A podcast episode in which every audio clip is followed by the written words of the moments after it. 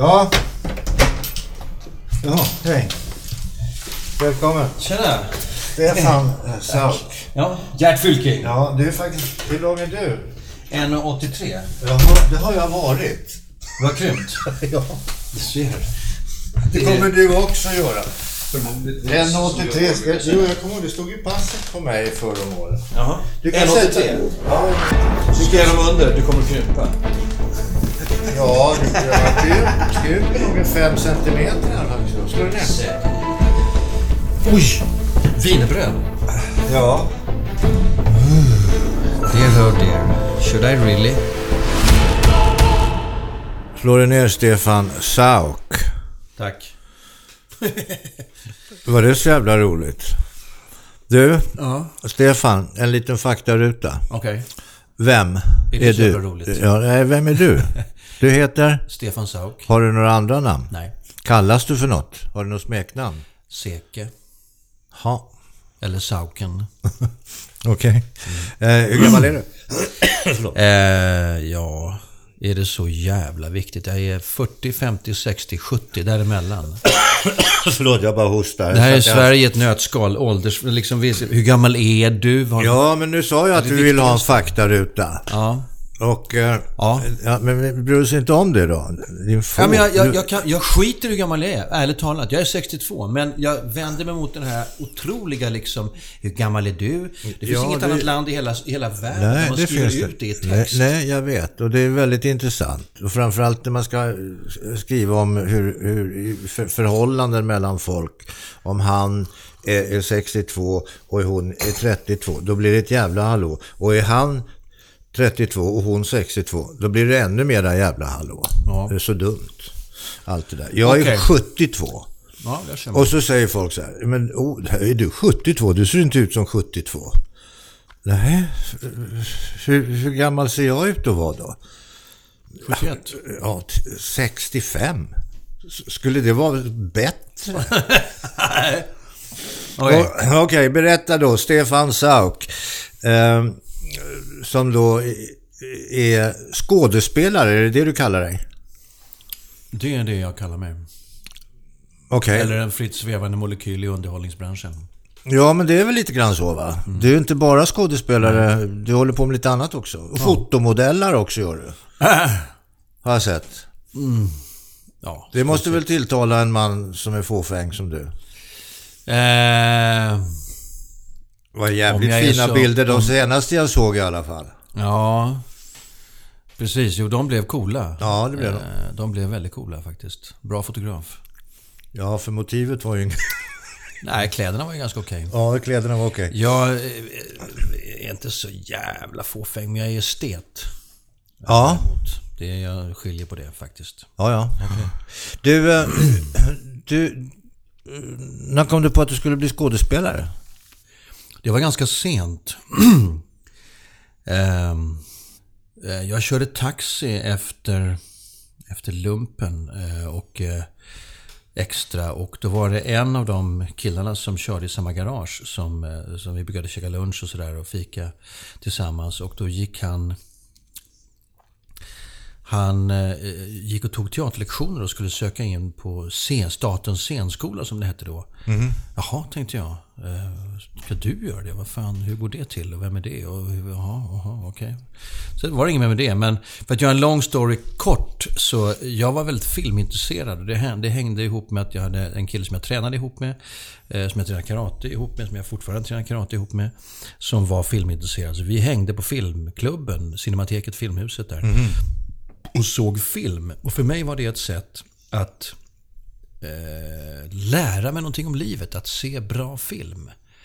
För att jag hade, jag kom, jag är ensam, ensam barn. Eh, mina föräldrar skilde sig när jag var 13 år på min inrådan.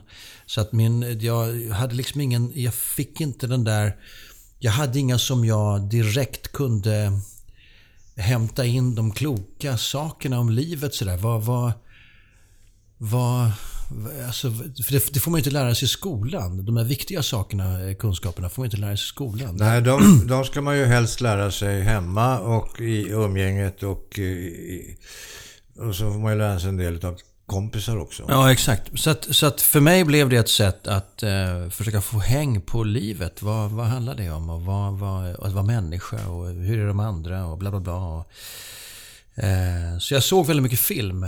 Och någonstans där började ett filmintresse. Det började jag med när jag var 16-17. Eh, 18-19. Där omkring så såg jag väldigt mycket film. Eh, och sen hur det nu än var så, så eh, hans, att han skulle söka teater, eller Statens scenskola som heter då, gjorde att det tände någon. kan han så borde jag kunna. Jag, kom ju inte, jag hade ju inte alls någon beröringspunkt överhuvudtaget med teaterns värld. Du hade, hade du varit på teater som barn? Aldrig. Nej, nej. Aldrig. Eh, jag kommer inte ens ihåg att vi såg, någon, såg någonting. Stjärngosse var väl det enda som jag hade liksom... ja. Det var liksom det var det. så nära jag kom det där. Ja, ja. Det hatade jag var liksom. Stå med en dumstrut på huvudet. Jag ville vara tomte, fick inte vara det. Eller pepparkaksgubbe ville jag hellre vara, men, men det fick jag inte heller vara. Men kom du in på scenskolan då? Jag kom in på andra försöket. Eh... Eh, ja, och då ska man veta att det är otroligt mycket folk som söker till scenskolan. Ja. Eller vi har ju tre, vi har Stockholm, Malmö och Göteborg. Precis, nu har vi en fjärde också uppe i Luleå som inte tar in varje år men om det är vartannat eller okay. något sånt där. Men, men då var det tre teaterhögskolor. Stockholm, Göteborg, Malmö. Och eh, Malmö tog in 12, Stockholm tog in 12 och Göteborg tog in 8. Okay. För att de tog också in fyra stycken musikdramatiker, det vill säga sådana som ska bli operasångare. Ja, så att man blandade, man, man, man, vi gick tillsammans med musikdramatikerna första året ganska mycket. Plus att de hade sångträning då hela tiden. De jobbade och då berättade du i samma ögonblick att du alltså kom in på Göteborg. Exakt. Det var smart. Ännu svårare. Ja, mm. Åtta stycken. Ja, ja, åtta stycken och så fyra. Och, och så här. Men du sjunger ju också. Ja, precis. Fast eller jag, hellre än bra, eller? Det vet jag inte. Ja, det, jag, jag, ser mig inte som sångare faktiskt. Men, eh, men, men som skådespelare som ibland som, som levererar en text. Och ibland gör jag det med ton också. Okej. Okay. Mm. Men du, två saker. Vi backar bandet lite okay. grann. Uh, och, uh, vi har ju vissa beröringspunkter. Vi är båda skådespelare. Uh, vi tycker om att sjunga och leverera texter även den vägen. Eh, du nämnde lumpen. Ja. Efter lumpen så började du köra taxi. Lumpen, ja. militärtjänstgöringen var ju obligatorisk på din tid också va? Ja, exakt. Och du gjorde den som kustjägare? Eh, nej, det skulle jag inte säga. Jag låg däremot där men, men, och klev ur det där. Eh, men sen så eh, halkade vi in i den då. Så att jag hade kustjägarbefäl och vi var B-styrka till KJ. Eh, och eh, körde, gjorde allt som de gjorde. En liten grupp. Så det var en liten lustig sätt sådär. Men, men, eh, För jag var kustjägare. Ja. Men jag ryckte in 66. Åh oh, jävlar. Ja. That's, ja, det är tio år före. Precis. Men jag är ju tio år äldre. Ja, exakt. Precis. Ja. Du, hade du, inga, hade du inga militära ambitioner? Nej, det hade jag inte faktiskt. Nej, det hade jag inte. För du kan ju bära upp en uniform har vi ju sett. Ja, det kan jag. Och göra honör. Och göra honörer där. Jo, ja. nej, jag hade inga militära ambitioner.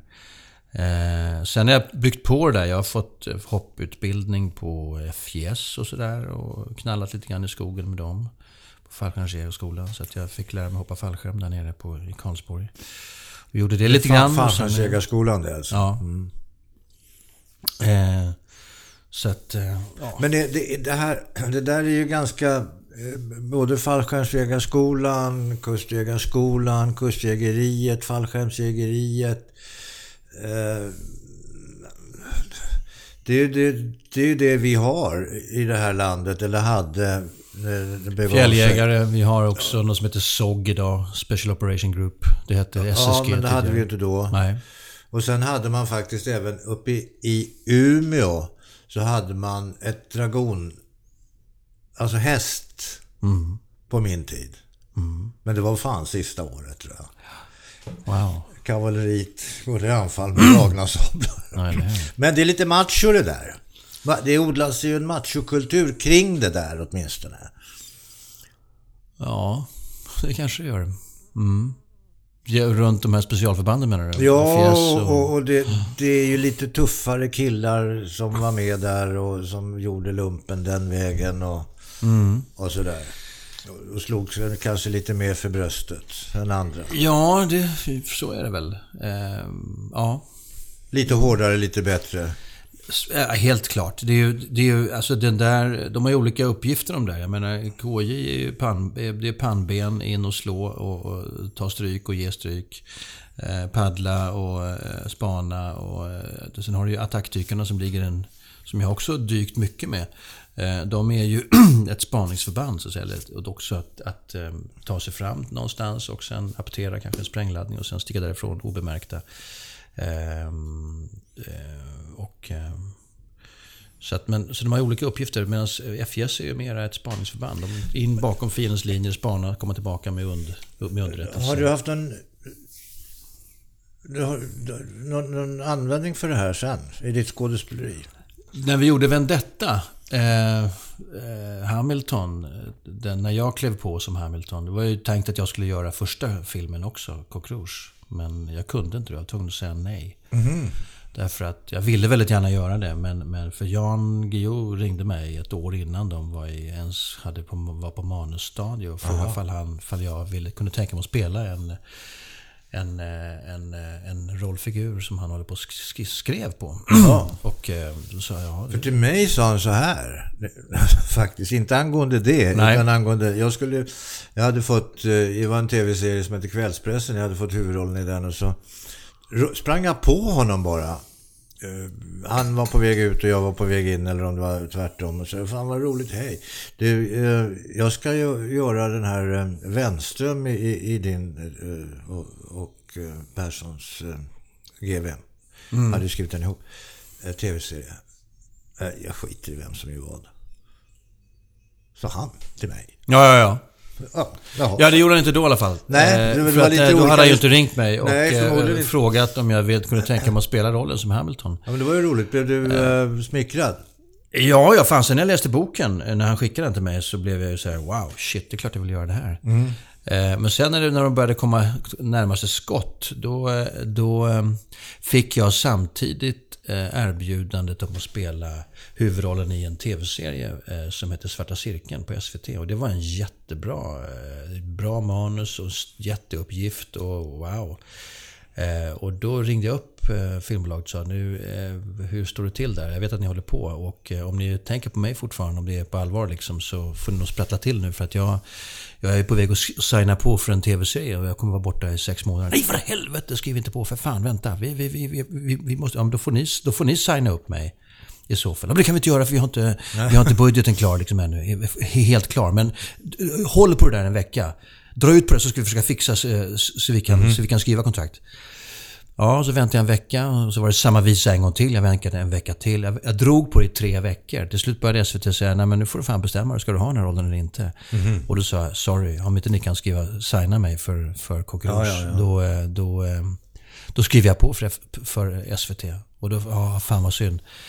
Jaha, fick... och då, det roliga var att då frågade de mig eh, på det filmbolaget. Vi skiter i vilket var och sådär. Men, men de frågade, men okej, okay, men om du inte nu kan spela Hamilton, vem, vem tycker du ska spela Hamilton? Ja, ja. Ah, ta en okänd, så här. Det kan vara mer spännande. Det är en så pass häftig roll, så att, ta en okänd. Då hade de, sen ringde de efter ett tag och sa de, vi har två förslag. Eh, Stellan Skarsgård eller Thomas Pontén. Och då tyckte jag, det var inte speciellt okända förslag. så blev det Stellan. Så Stellan gjorde första. Och, eh, sen, och sen gjorde du? Sen gjorde jag Vendetta och Tribunal. yes. du, men, men, för att, för att ja, svara på frågan. Absolut. Hade jag nytta av det någon gång? Ja. Därför att den militära bearbetningen av manuset, eh, Vendetta, hade jag ansvar för. Så att, mm -hmm. eh, jag satt med, med personer som jag hade kontakt med inne på MUST, militära underrättelse och säkerhetstjänsten. Och eh, med manuset och gick igenom alla militära operationer där, där militär personal i den filmen gjorde någonting. Eh, bordade ett fartyg eller la la la la Och så sa jag, okej, okay, så här har vi skrivit det i manuset. Hur går det till i verkligheten? Mm. Ja, det är inte riktigt sådär. Det, man skulle nog, I det här fallet skulle man nog göra så här och så här. Ja, det är inte speciellt sexigt. Eh, hur kan vi göra det trovärdigt som man skulle göra i verkligheten men ändå få det sexigare än i verkligheten. Ja, men då kan man göra så här. Man kan också välja att göra så här. Då blir det ju jävligt sexigt. Ja, bra. Fine, då gör vi så. när du själv tittar på bio som en cineast som du så att säga ändå sa att du var, eller är fortfarande mm. kanske. Ja, ja, ja. Eh, bryr du dig om sånt där? Att man fuskar i verklighetsskildringar och sånt? Om, om jag inte märker det så bryr jag mig inte om det. Men om jag märker att, vänta nu, det här stämmer ju inte alls. Då, då, då, då tappar de mig. Då, då, blir, då börjar jag tänka, då startar jag en massa privata associationer. Okay. Så här går det inte till. Det här är ju löjligt. Antingen blir allting löjligt, eller så där ser det inte ut. Så där ser inte en, en basker ut till exempel på en fallskärmsjägare. Det, det, det, finns inte en, en, i hela världen som har det. Möjligen i Afrika möjligen alltså. Där det liksom är herr Cantarell med, där man har en annan, annat baskerstuk. Ja, okej. Okay. Det vill säga inget. Men, men för, vi, vi, vi går tillbaka lite grann här. Gjorde... Jag stör mig på trovärdighet, ja. Ja, om jo, om jag tycker funkar. också, och jag stör mig dessutom otroligt mycket på dåligt skådespeleri. Då får ja, det stör jag på mig. Ja. Helt tappa sugen. Ja, ja, helt. Helt tappa sugen. Då går det, det då... Då, då, då stänger jag av och går hem.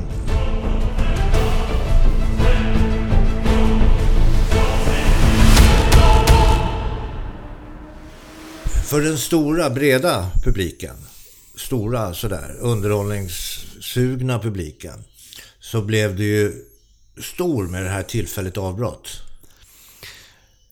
Ja, det, det, var två saker som kom samtidigt. Och det var Svarta Cirkeln kom då. Den, 1990 sändes Svarta Cirkeln på SVT. Samtidigt gick första avsnittet på Lorry. De kom samtidigt. Ja, eh, förlåt. Ja, ja okej, okay, ja. du säger det. Då stämmer det. Så. Ja, och Lorry, i Lorry så var tillfälligt avbrott en liten del. Då, fyra minuter som vi fyllde med, med lite galenskap, jag och Rolf Börjlind. Lite galenskap? Du var ju helt mm. skogstokig. Eh, ja. Det är sällan man ser en människa så upprörd. du var väldigt upprörd över nästan allting. Absolut, oh, och, Den personen var det. Karaktären där. Ja, den karaktären ja. naturligtvis. Känner du besläktad med den karaktären? Ja, alltså någonstans så delade ju... Jag hade ju aldrig jobbat eller träffat Rolf Börjlind innan. Det var Kjell Sundvall som sammanförde oss för att han ville... Han drev ju det här hårt eh, gentemot producenten på SVT och de andra där som bestämde att han ville ha ett, en, litet, en liten fyra minuters lucka där han ville att jag skulle göra någonting. Men eh, de förstod ju inte. De tyckte liksom att Stefan Sauk, han är inte rolig. Han är ju så jävla dramatisk och seriös. Fan, det, det, nej, det är just det, sa mm. Kjell. Men jag vill sammanföra honom med Rolf Börjlind för att leverera någonting som är med ett riktigt svart penseldrag. Mitt i det här som är... Tingeltangel. Ja, inte tingeltangel, men, men mera traditionella sketcher. Ja, ja. Eh, som jag tycker kanske nästan drog sig ifrån traditionella sketcher för att de var så bra skrivna. De var så bra genomförda också. Lorrys styrka var ju kvaliteten på sketcherna och kvaliteten ja, på ja, ja, ja, kvaliteten på skådespelarna som gjorde det. Bra. det var väldigt, väldigt bra. duktiga. Det saknar man inte. ja, mycket. så att... Eh, Eh, jag och Roffe eh, träffades på, ute på, han bodde på Skarpe då ute på Rindö. Eh, där vi ja, båda kravlat runt. Kustjägarna hade sin ja, bas. Precis, så att Roffe bodde på Skarpe. Han bodde faktiskt eh, granne med Holte Hultman som var vår reglement. Alltså om du, hade du Holte Hultman som regementsläkare? Nej. Jo, för läkaren ja. Ja, Holte Hultman. Ja, galningen. Ja, han var ju helt... Ja, ja befriad helt. från det mesta. Han var helt galen. Ja. Så att Holter bodde granne med, med, med eh, Roffe Börjlind på Skarpö. Eh, eh never mind. Vi träffades i alla fall på den här Vaxholmnettan, eh, gamla Vaxholmsbåten som var fik och lite sådär. Man kunde käka en pyttipanna och ta en lättöl där. Som låg vid färjelägret i Vaxholm. Så där sågs vi första gången och liksom med utgångspunkten, kan, hittar vi någon kemi mellan oss? Mm, mm. Och för mig handlar det om att kanske se vad hur ser din indignationsbag ut? Är den, är den ungefär samma som mig? Blir vi förbannade på samma saker? Tycker vi ungefär det lika om, om fenomen, samhällsfenomen och så vidare? Och det visade sig att det gjorde vi, eh, fast vi var helt två olika personer och personligheter. För det här var ju ganska... Som jag minns det, nu får du naturligtvis rätta mig om jag har fel, om jag har fel, men det blev som ett tillfälligt avbrott i själva tv-sändningen ja. tekniskt sett. Ja. Och det sprakar till och ut kommer Myrnas krig och en, en svartvit gubbe lite på snedden. Ibland. Som pratar upp mot kameran. Svavelosande. Eh, ja. Skäller Ja, på tingen omkring. Spottar på linsen och Ja, eh, allting. Underbart befriande faktiskt. Ja, ja. Nej, men det var, det var roligt. Eh, Så där kan man ju då säga eh, faktiskt att karriärmässigt så hade ju du lite flyt där. Med tanke på att du fick å ena sidan freaka loss och å andra sidan göra en, en stor roll i Svarta Cirkeln. Ja, och bägge på Storkanalen. Ja. Precis. Det, var är, ju, det är ju bara att tacka och ta emot. Ja, det vet jag inte om jag gjorde då, men... men eh, Nej, men så här i backspegeln så det ger ju en väldigt bra... eh, kar- Ur, ett karriärperspektiv Absolut, så ger det ju en absolut. väldigt bra Ja, ja. eh, grund att stå på. Du, vi går ännu längre tillbaka. Sauk. I gave you the answer. Du fick svaret i köket, du får inga svar nu. Okej. Ja, du får säga vad du vill. Ja. Men du har inte lust att svara? Eh, Bara för- Nej, men, så, som jag sa till dig, jag menar, det, jag är, har, stammar eh, hälften från Tyskland, hälften från Belgien och lite grann eh, slask i Dalarna. Eh, min farmor eh, Signe släppte till i björkriset utanför Avesta eh, och eh, med en, med, en, med en vallon som fick, eh, som fick eh, komma till och eh, så blev det med den saken. Så att, eh, Och så blev det en liten Stefan. och så blev det en Stefan. Eh, Nej, det blev en liten... Det blev min pappa. Eh, Jaha, och sen. Ja, och sen. Och sen, eh, sen gifte han sig med min mamma som heter Gunvor Hasselhun. Ja. Så att Hasselhun är tyskt från Lübeck och eh, går långt tillbaka i tiden. Ja. Så att eh, jag är lite mesallians där mellan, mellan eh, fosterhemssonen och, eh, och eh, dottern från landsfiskalen i Uppland, eh, Gunnar Hasselhun. Som, fan. som min morfar var. Och det var, på den tiden var ju det ett ämbete med en, en oerhörd tyngd. Idag, Ja, landsfiskal, det var ju med lång rock och sabel det. Ja, alltså det var inte... Nej, ja, det vet jag inte om de hade mycket. Det kanske det var. Men, men, men landsfiskal är ju dagens länspolismästare. Det är alltså högsta polischefen i Uppland. Alltså, upp, alltså länspolismästare. absolut. Men det var ju polis då. Det var ju Ja. inget politiskt tillsatt nej, nej, nej. troll. Nej, nej. Det var en riktig Som polis alltså. Ja, ja, nej, nej. Och min morfars far var kronolänsman. Också Gunnar Hasselun. Så att... eh, Ja, så du har lite ordning och reda bakåt. Hur är det med ordningen och redan på, på Stefan Sauk då? Ja, jag försöker hålla en viss ordning och reda eh, där jag bor. Eh, åtminstone där jag ser, eh, så att säga. Sen finns det ju förråd som ser ut som eh, eh, kraschlandad anksvärm. Eh, men men eh, eh, för att skapa någon slags ordning. För att det, här uppe är det lite kaos i huvudet. Där I huvudet är det kaos. Ja, inte kaos ska jag säga, men det, det eh, går för högvarv hela tiden. Många tankar. Det är Idéer. Mycket tankar, mycket idéer, mycket reflektioner och det är full snurr eh, hela tiden. Hur är det på, på såna här... Jag har ju själv så driver jag ju... Eller lider jag av en allergi mot eh, bruna fönsterkuvert och A4-kuvert och sånt där. Jag har väldigt svårt för att överhuvudtaget öppna sånt där. Och titta på. Och, och eh, har nu löst det på ett sånt sätt. Jag skickar allting vidare bara till min bokhållare. Så får, får han ta hand om det. Bokhållare. Bokhållare, det är ett gammalt uttryck. Ja, vissa säger idag kanske mera modernt revisor. Jag vet inte. Redovisningsmänniska. Ja. Eh, Och han tycker om det där med siffror han tycker väldigt mycket om det där och, och, och pilla och kommer med uppställningar och berättar exakt hur saker och ting är. Hur, frågan är, är du bra på sånt där? Nej. Nej, bra. Men jag, nej, jag är urusel på det faktiskt. Jag tycker det är astråkigt och jag har, alltså... pff, Jag har... Jag, jag, ska, jag, en vandrande bankomat, skulle jag säga. Det kommer in pengar där och så kommer de ut där och så... Jag står som en jävla bankomat här. Det samlas ju ingenting i bankomaten. Nej, det Nej. bara fylls på och Det tas fylls ut. på och tas ut. Ja, och ibland vill de ha kvitto också. Ja, exakt. Och det tycker revisorerna om. Mm. Kvitto. Eh, du,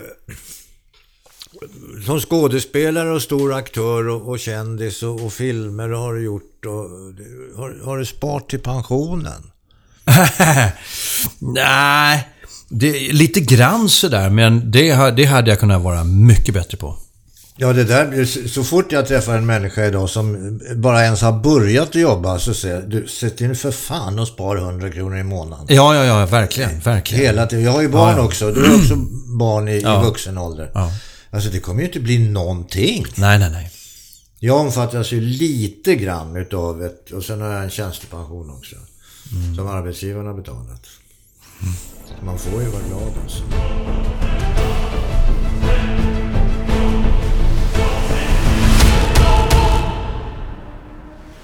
Du, du har, du har barn. En ja. dotter. Ja. Hur gammal är hon? 25. Hur känns det? Och vad jag menar med känns det är med tanke på vad som händer runt omkring. Kvinnor, otäckt, gå hem på natten. Ja, sånt där är... Jag, jag försöker kasta bort sådana tankar eh, från huvudet liksom. Men, men sånt där är... Det, det, det där är mardrömmen om någonting sånt skulle hända. Det är den stora mardrömmen, tycker jag. Ja. Den största. Har ni bra kontakt? Ja, det får jag lov att säga. Jag har eh, eh,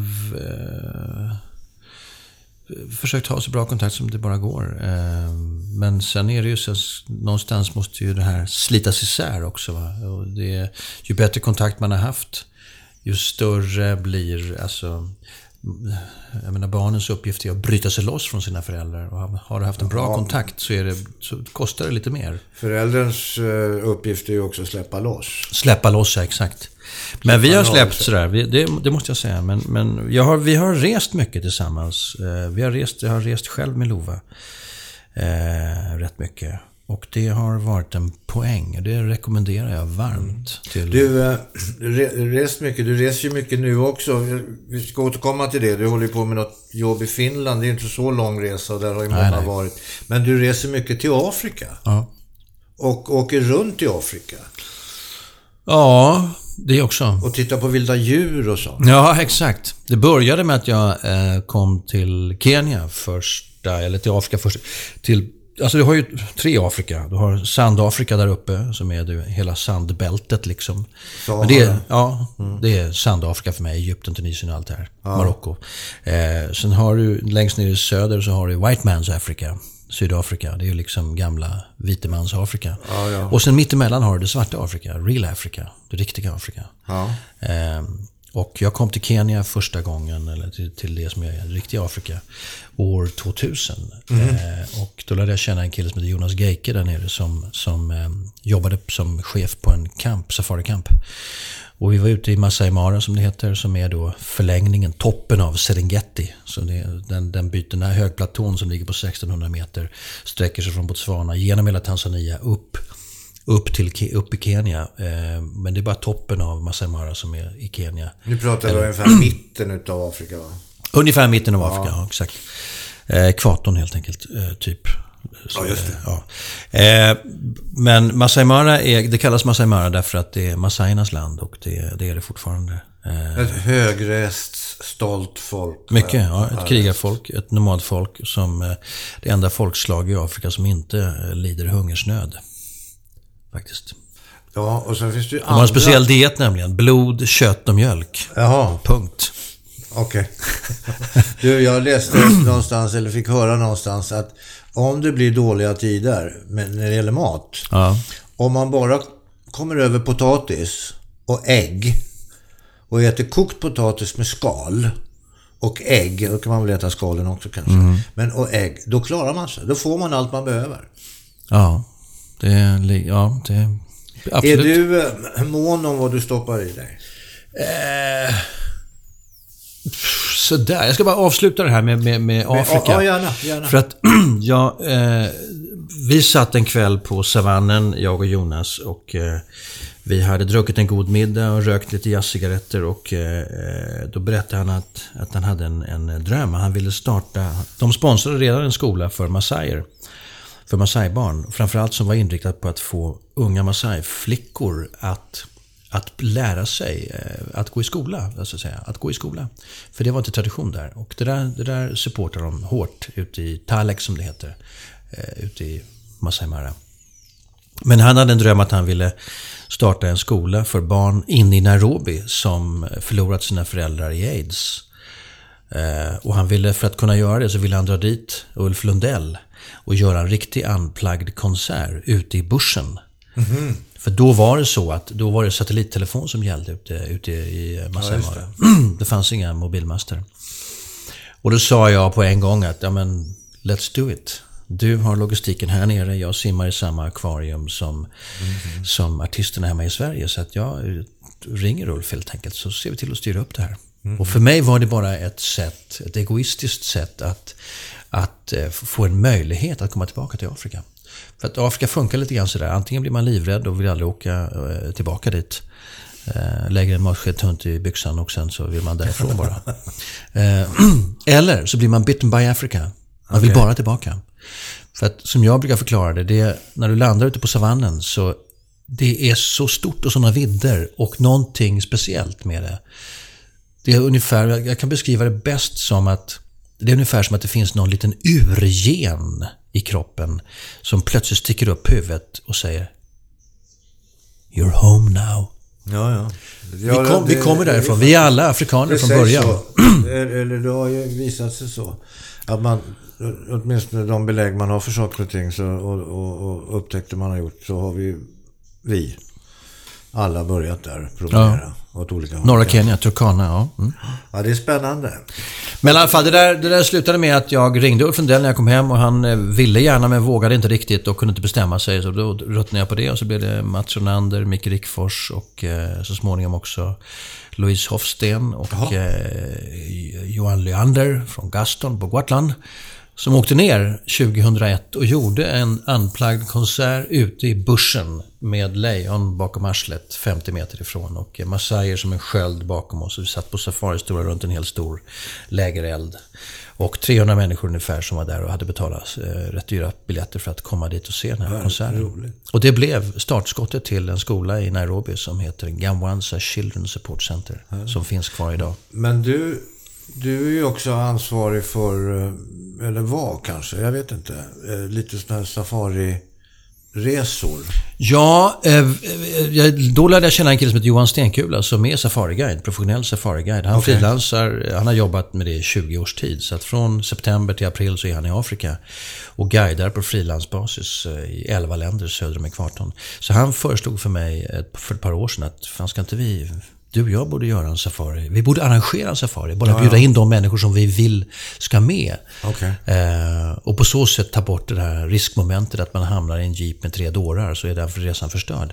Utan vi, vi, eh, vi bjuder in dem vi vill ha Ni med. samlar ihop de som ni tycker skulle Exakt. passa ihop. Exakt. Och, så skulle Och som vi gillar, som är i vårt nätverk. Ja, ja. Och eh, det har vi gjort faktiskt. Vi har gjort två sådana resor till, eh, till Tanzania. Och då, då Johan som har varit överallt där nere alltså, och kan det där som i sin bakficka. I alla länder säger att ska man göra riktig safari så är det Tanzania som gäller. Då Serengeti. anmäler jag mig till tredje då. Den tredje kommer gå till Sydafrika. Alltså då, då missar du Tanzania. Ska du med till Tanzania så är det den 8 januari till den 19 januari 2018, det vill säga efter jul. Efter jul. Ja.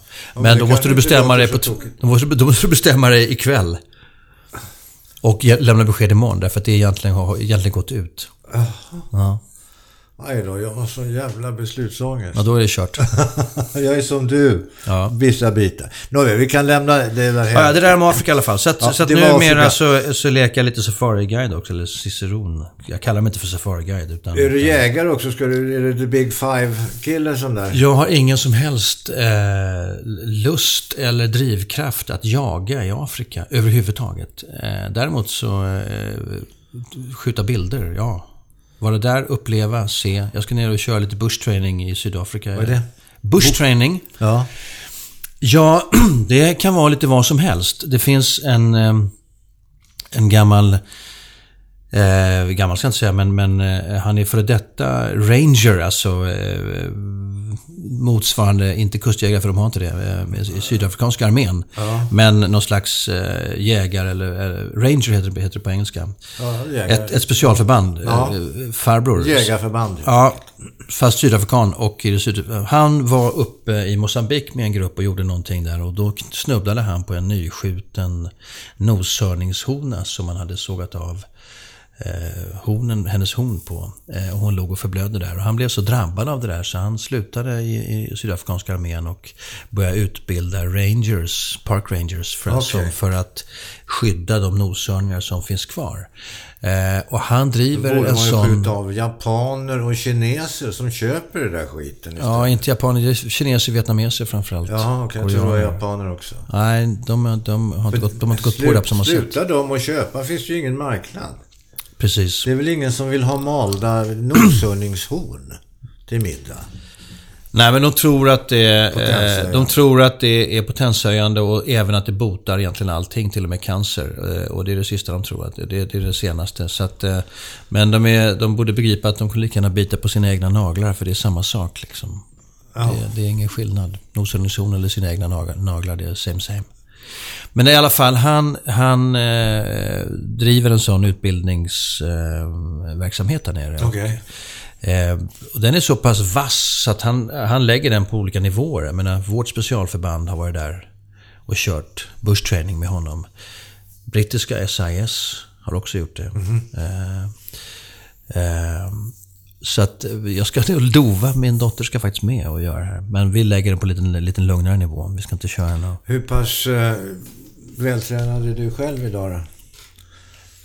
Så där, jag kör maintenance-träning. Jag, jag har ju tränat karate hela livet och aikido. Eh, förutom alla andra sporter som jag håller på med. Men, men jag började träna karate när jag var 16 år. Och sen har jag hållit på med det eller aikido. Så att jag, karate har jag väl tränat kanske 25-30 år kanske. Ja. Tränar fortfarande karate. Tre dagar i veckan på morgnarna. Det är så kallad pyjamassport. Ja, exakt. Sparkbyxor som jag säger. Vad har du för färg på bältet då? Svart. Det ska man ha. Och sen ska man ha dan till det också. Ja. Jag har några sådana också. Okej. I karate. I aikido har jag bara ett. Men, ett. men vem är det som bedömer, hur får, man ett, hur får man en färg på sitt bälte? Man börjar väl med gult eller vitt eller? Vitt.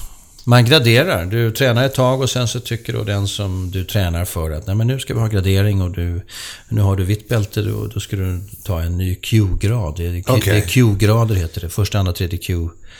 Eller man börjar eh, på sjunde tror jag. Eller, det där Mm. är olika också men sjätte Q, sen tar du femte Q, fjärde Så det är lite Q, som alla Q. andra sporter. Efter 10 000 timmar så har du ditt svarta bälte alltså, ungefär. Ja, eh, precis. Eh, och då börjar då går det från första Q till första dan. Och sen andra dan, tredje dan, fjärde dan och sen så vidare. Men, men första dan är svart bälte. Då börjar du träna karate. Då börjar du träna på riktigt. Men kan du gå ner i spagat och sparka ner en taklampa och sånt där? Jag har aldrig kunnat gå ner i spagat. Eh, jag är inte byggd Nej, sån. du- du men jag har nu kunnat, jag har kunnat, eh, jag har kunnat ge mig på den där. På en kristallkrona som hänger lite lågt här. Ja, men den har jag kunnat klara av. Den kan jag nog klara idag också. Nej, men det måste behöver du inte visa. Måste jag göra en hopp, en sån här flyg, hoppande Nej, det sak. behöver du inte göra. Jag Kan- tänker inte göra det heller. Jag bara tittar på den. Ja. Bedömer ungefär hur ska det där gå. Ja, men det kan gå. Ja, Jag kommer i alla fall och eh, ta kulan där. Jaha, ja, ja, ja. Men jag tror det. Du behöver inte bevisa något. Nej. Eh, du, håller dig i form. Är det viktigt att hålla sig i form? alltså, det ska man bara svara ja på egentligen. Det är, Är det en överlevnadsstrategi, eh, strategi, tror du? Ja, så här är det. Det är viktigt att hålla sig i form av så många olika skäl. Eh, därför att sen, sen kan jag bara tala för mig själv. Eh, jag har en gång varit ganska vältränad eh, när jag höll på som mest med karate. Eh, och eh, har du en gång känt, haft den här känslan i kroppen. Sen måste man komma ihåg att jag jobbar med kroppen också. Som, det är mitt verktyg. Sen har jag spöat upp min kropp ganska mycket. Den har fått ganska mycket stryk. Eh, en del, rätt mycket i lumpen. Eh, och, så att jag har haft bekymmer med ryggen också. Så att jag har liksom varit tvungen att, att träna för att må bra. Så för mig har det varit ett sätt att, att dels må bra, dels att överhuvudtaget fungera. Eh, och sen ha ett redskap som faktiskt funkar. Ehm, och sen har ju karaten, i mitt fall, och även aikidon, har ju varit, eh, vad ska jag säga, en... Ehm, eh, det ju i den japanska eh, zen-buddhismen.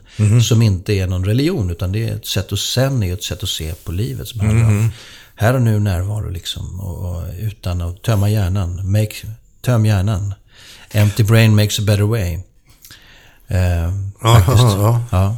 Du, eh, tycker du om eh, när det är sådär, att, vad fan kan det inte bli varmt snart så man får gå ner på stranden och ta av sig skjortan? Nej, för fan. Jag har ingen sån kropp längre. Jag har ett sexpack, men det ligger lite under. Det är väl Lite, skyddat. lite, lite under ytan. Det är väl skyddat. Ja, det, är inte, det är inte väl skyddat, men det är lite under ytan. Så att jag, jag, nej, jag är inte någon sån här flashare. Nej. Eh. Det hör ju annars väldigt mycket till eh, modet idag.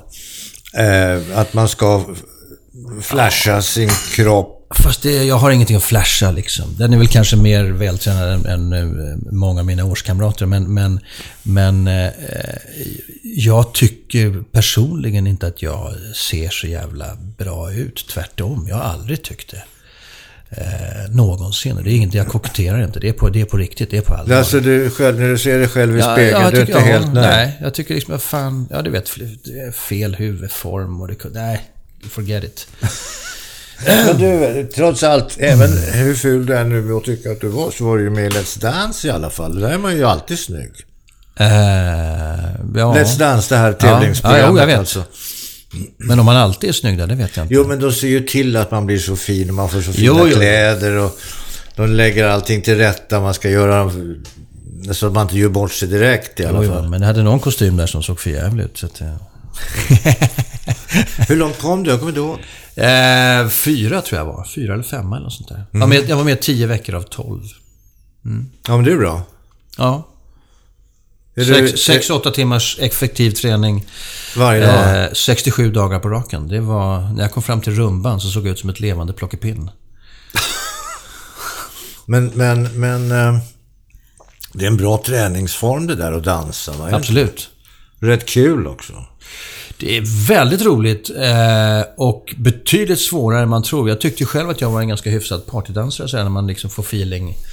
Eh, sådär. Men, men det här är något helt annat. Vänta nu, är när man får feeling, den är ju rätt skön. Ja när, man, får- ja, när man får feeling då är man jävligt bra på att dansa. Ja, ja, absolut. Jo, det är, och det gäller de flesta. Ja. Men, men jag tyckte ju själv, om jag gjorde en slags snabb bedömning, men fan, you can move boy. Ehm, men sen när när jag kom in eh, de här stegen som ska tas, och det bip upp.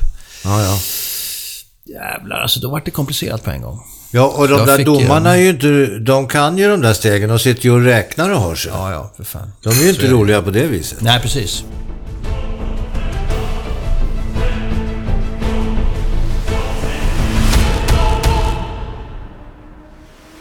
Du, eh, dans, eh, sång, sång och danseman, skådespelare, författare.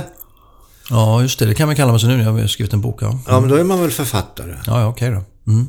Vet du, författare, jag tror att det, det är det nog yrket eller som lever kvar längst efter ens död.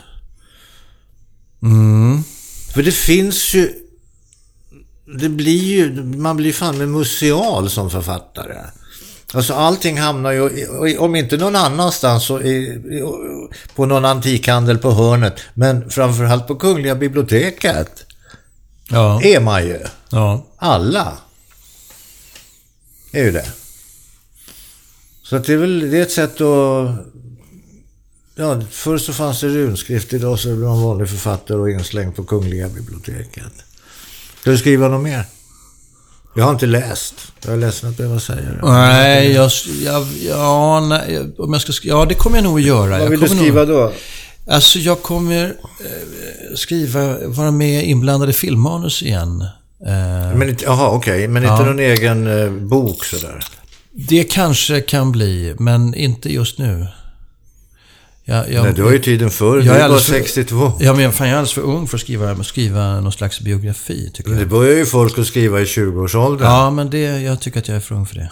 På riktigt. Jo, absolut. Jag, jag kan börja tycka att mm, man kanske skulle åtminstone anteckna lite grann innan man glömmer det. Du, Ja, det precis. kan handla om det också. Ja, det kan Du, nu jobbar du i Finland. Exakt. Vad gör du i Finland? Jag är med i en långfilm som Klaus Härö gör som heter Dark Christ. Och Klaus Härö är en duktig finsk regissör som gjorde Finlands Oscarsbidrag, jag tror det var förra året, som Jaha. heter The Fencer. Så att eh, han är en eh, duktig instruktör, eller regissör. Eh, så det är spännande. Jag är där och gör en svensk konsthandlare. Eh, ingen- Pratar ingen- svenska eller finska? Svenska och engelska. Men, men pratar du finska? Ja, lite. Finlandssvenska ja, men finska...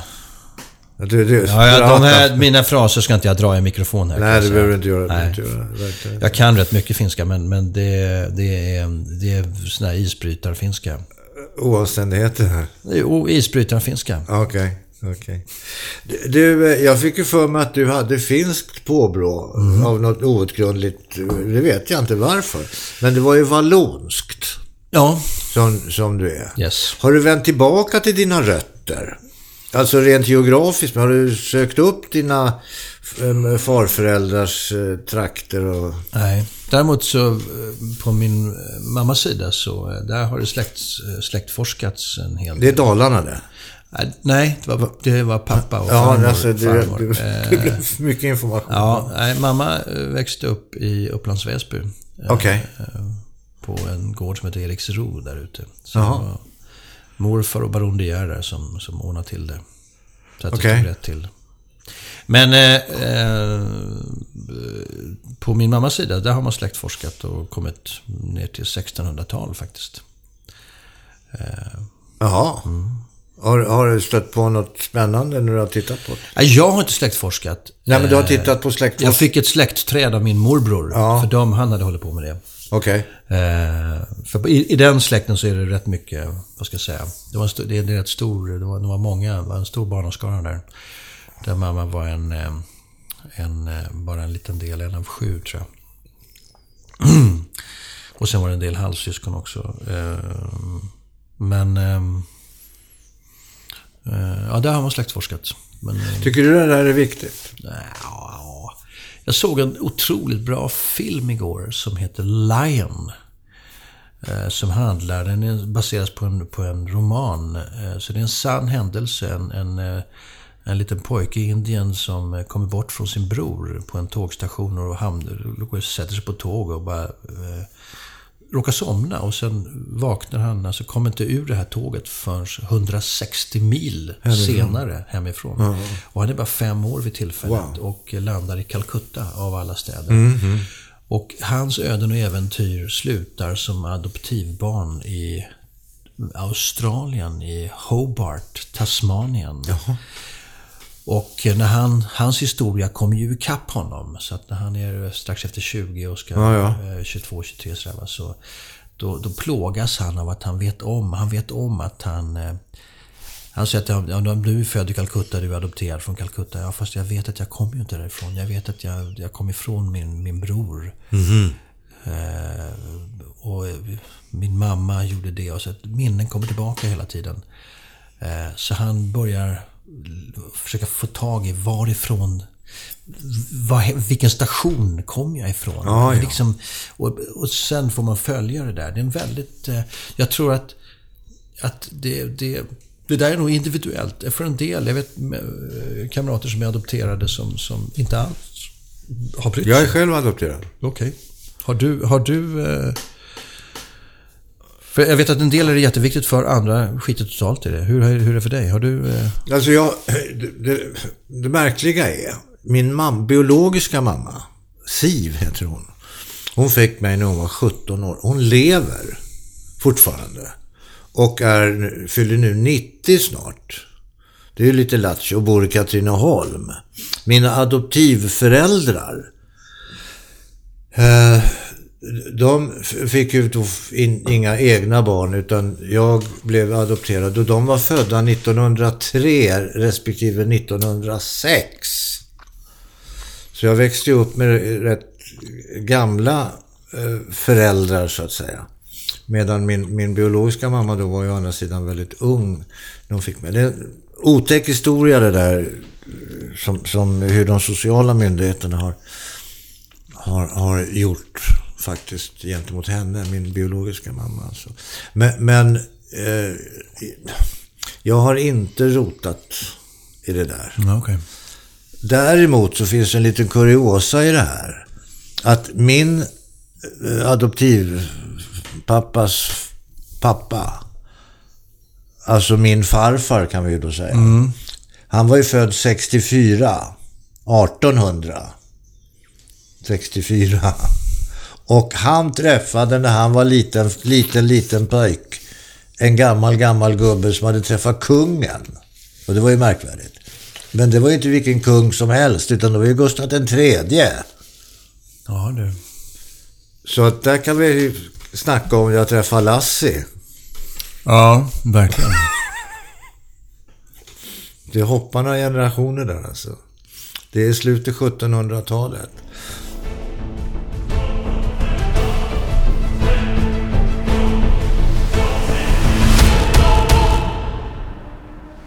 Ja, här knyter vi vidare på ditt finska äventyr. Okej. Eh, och det är ju utomlands. Har du några fler utländska Projekt? Utländska projekt, eller har du varit Ja, inblandad eller tackat ja eller tackat nej till eh, en internationell karriär som det heter? Jag tackade nej till en eh, karriär i Hollywood faktiskt. Jag skulle göra två filmer i Los Angeles. Jaså? Men då hade precis Lova fötts, min dotter. Eh, och då hade jag ett val, för att då var jag tvungen att flytta dit. Och Mia, som jag då levde med, eh, hade inga möjligheter att flytta med. Hon hade sin, sina patienter här. Ja, ja.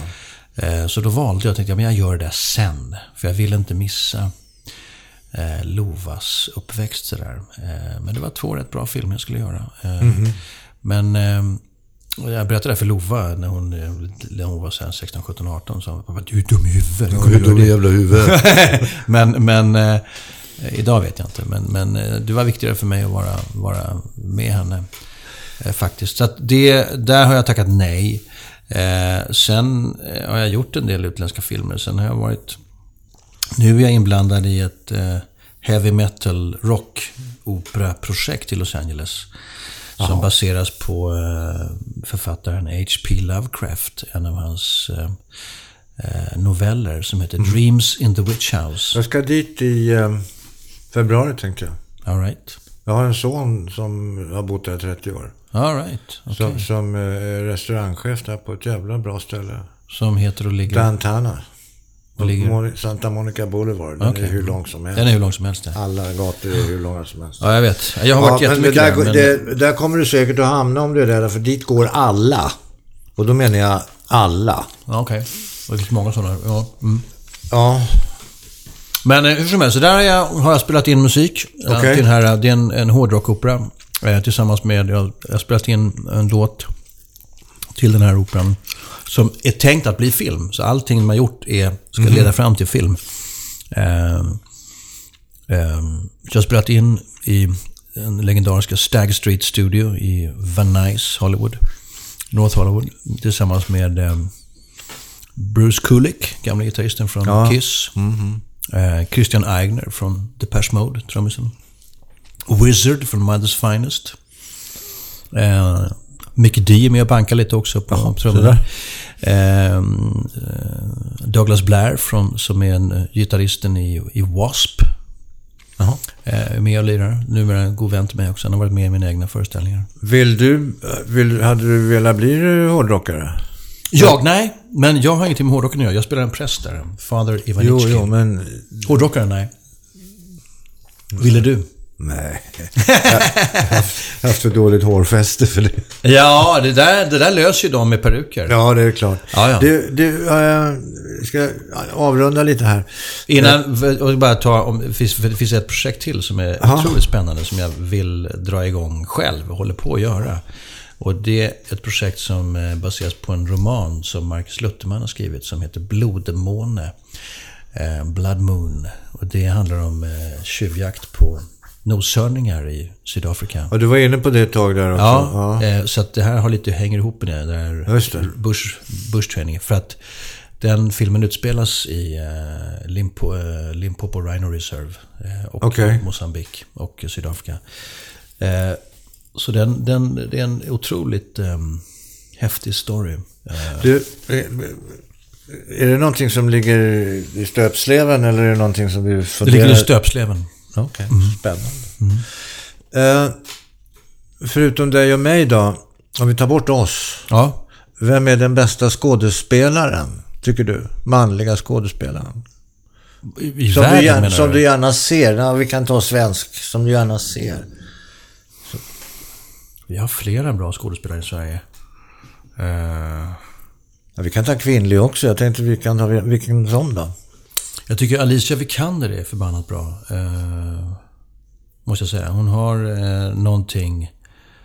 Eh, du ser in i hennes eh, stora ögon. Där det är faktiskt... Eh, man ser in i någonting som är intressant, tycker jag. Fast hon är så ung. Det är viktigt. Det är otroligt viktigt. Ja. Och hon har en förmåga att använda sig av, av den eh, tillgången också. Du, jag, det, det där, jag, jag, jag var på denna restaurang downtown och satt och pratade med två berömda skådespelare. Harry Dean Stanton bland annat. Ja, ja, hon gick bort nu för lite Ja, han, just det. Väldigt tråkigt. Men, Ja, men favorit. då satt, då satt han. Eh, och, jag satt ju bara och lyssnade på de där två. De satt och pratade och, vilka de hade jobbat med och hur roligt det var och, och så, sådär. Så frågade den ena, vad är, det, vad är det bästa? Vad är det bästa råd du har fått? Frågade eh, den ena, eller den andra killen, eh, här är din Stanton. Eh, som du har fått av en regissör. Ja, sa han. Det bästa någon sa att det var... Du, för fan, det var Sean Penn. Han sa, sluta spela, börja jobba. Ja, det är bra. Ja, faktiskt. Eh, kanske lite obegripligt för den icke invigde, men, men, Ja. men det ligger otroligt mycket i det. Alltså. ja.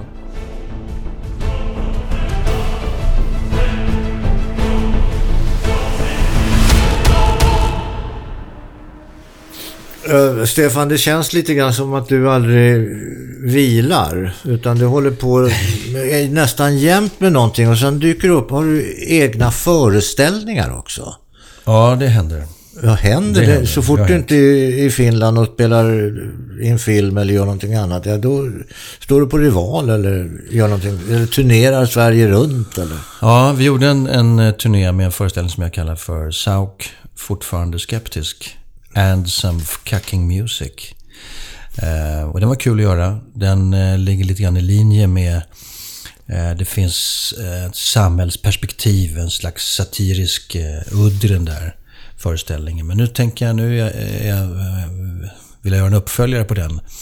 Och jag vill inte kopiera Tillfälligt avbrott, för det går inte. Men jag kommer göra någonting som kommer heta Tillfälligt utbrott. Så det, det är nästa föreställning. Men eh, innan den så kommer jag göra små eh, YouTube-klipp som kommer att hamna lite varstans. Som är en, en variant på tillfälligt. Det är inte tillfälligt avbrott, men det är någonting annat. Men det har samma, eh, kanske inte samma galenskap, men, men samma vrede. Absolut. Men är det inte galenskapen vi behöver? Förlåt. Jo, inte- om du ska... Framför allt nu skulle jag säga. För att nu börjar det bli jävligt eh, skitnödigt här hemma. Och foträtt. Ja, alltså, ja, jag undrar hur länge man... Jag håller själv på att duka under i detta PK-samhälle. Och Ja. man inte vet vad man ska säga, när man får säga. Det är lika bra att hålla käften om det mesta faktiskt. Ja, nästan så var det. finns en väldigt farlig utveckling i det här. Och det, den farligaste utvecklingen är nog inte som... Alltså det är såna, de här skränande fiskmåsflockarna som, som skriker högt som fan åt en och andra hållet på eh, i sociala medier. Och alla, alla tar rygg och liksom skriker och faller in i kören och skränar.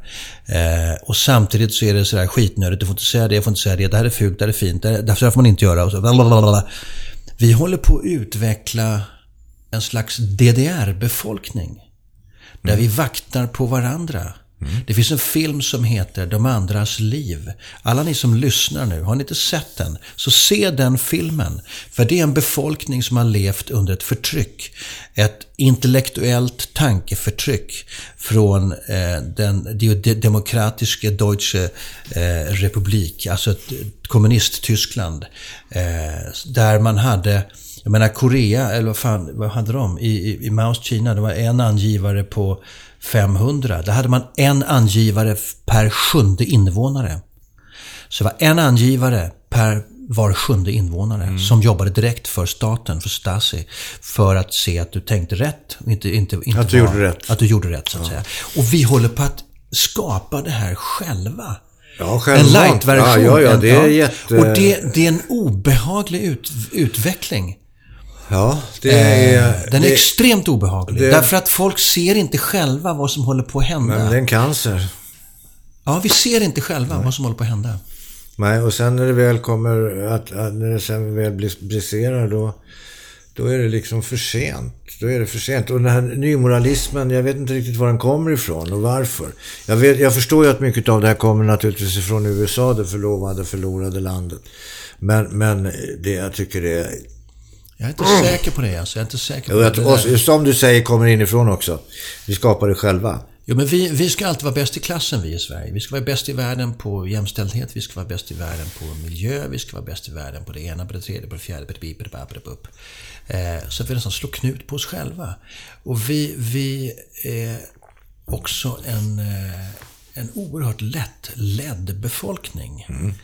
Vi, vi följer de råd och anvisningar. Nu ska vi alla cykla. Jaha, då cyklar alla. Fast det är vinter, de är inte kloka i huvudet. Det är för fan snö ute. Nej, men de har, i Stockholm har vi ju feministisk snöröjning. Ja, ja, ja. ja. Jo, den var, det, det kan man skämta mycket om.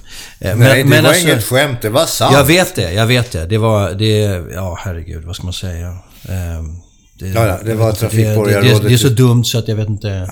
Ja, En miljöpartist exakt. naturligtvis. Jo, det är ett bekymmer när man har en minoritets... Eh, alltså någon, någon i minoritetsställning som får så mycket makt som Stockholms trafikborgarråd har fått, Daniel Heldén. Som då håller på att försöka mobba bort bilismen helt och hållet från stan. Det där har vi... Vänta nu, nu kom jag på. Jag har ju glömt en stor del av dig här. Förlåt, okay. vad ja. bra att du påminde mig. Tack. Eh, nej men och det, jag skulle nästan säga så jag känner att, vänta nu.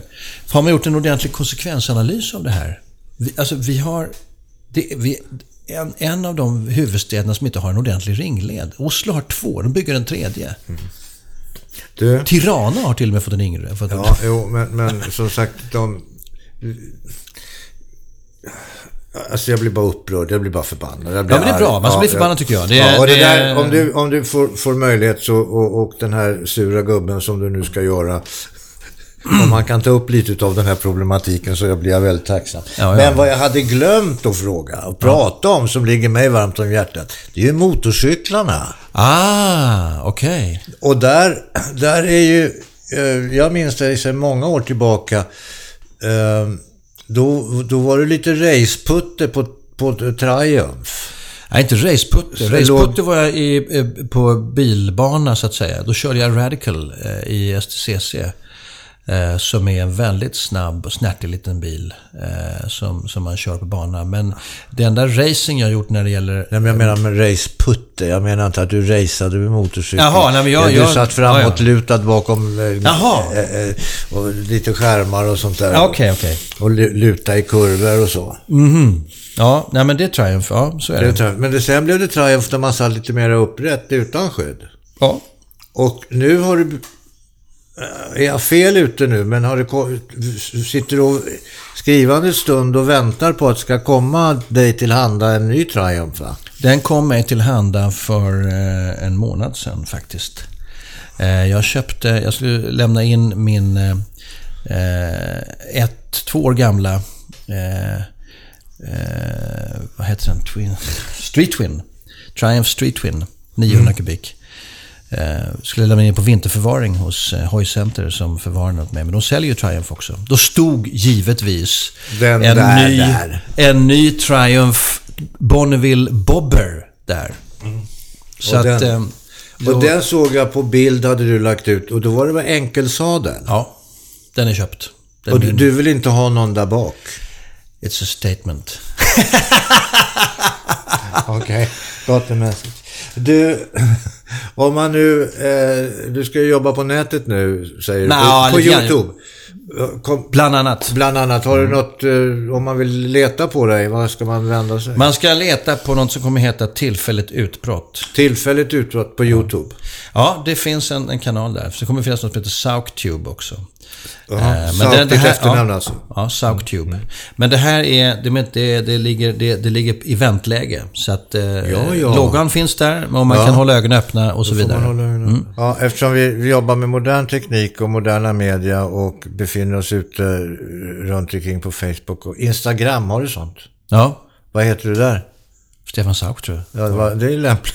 Ja, Ja, ja, men då ses vi på Instagram ja eller hur? Ja. Vad heter du? Gert Fylking. Ja, really?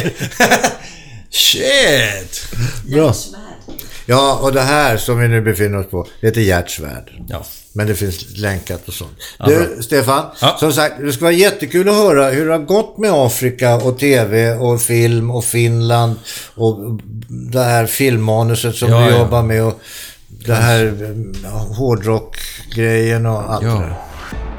Man kan gå in och eh, eh, googla på det Ja, men jag vill ju ha förstahandsinformation. Ja, ja, men man kan gå in och googla på hårdrockgrejen. Då får man söka på Dreams in the Witch House. Eller för att hamna på en hemsida som heter witchhouserocks, ett ord, .com. Tack. Witchhouserocks.com. Stefan Sauk, tack. Gert Fylking. Tack för att du kom. Tack själv. Eh, spännande. Och jag hoppas på ett uppföljningsmöte lite senare i vår. Eh, och få höra lite om hur det har gått med saker och ting. Why not? Why not? Why not? Tack. Tack.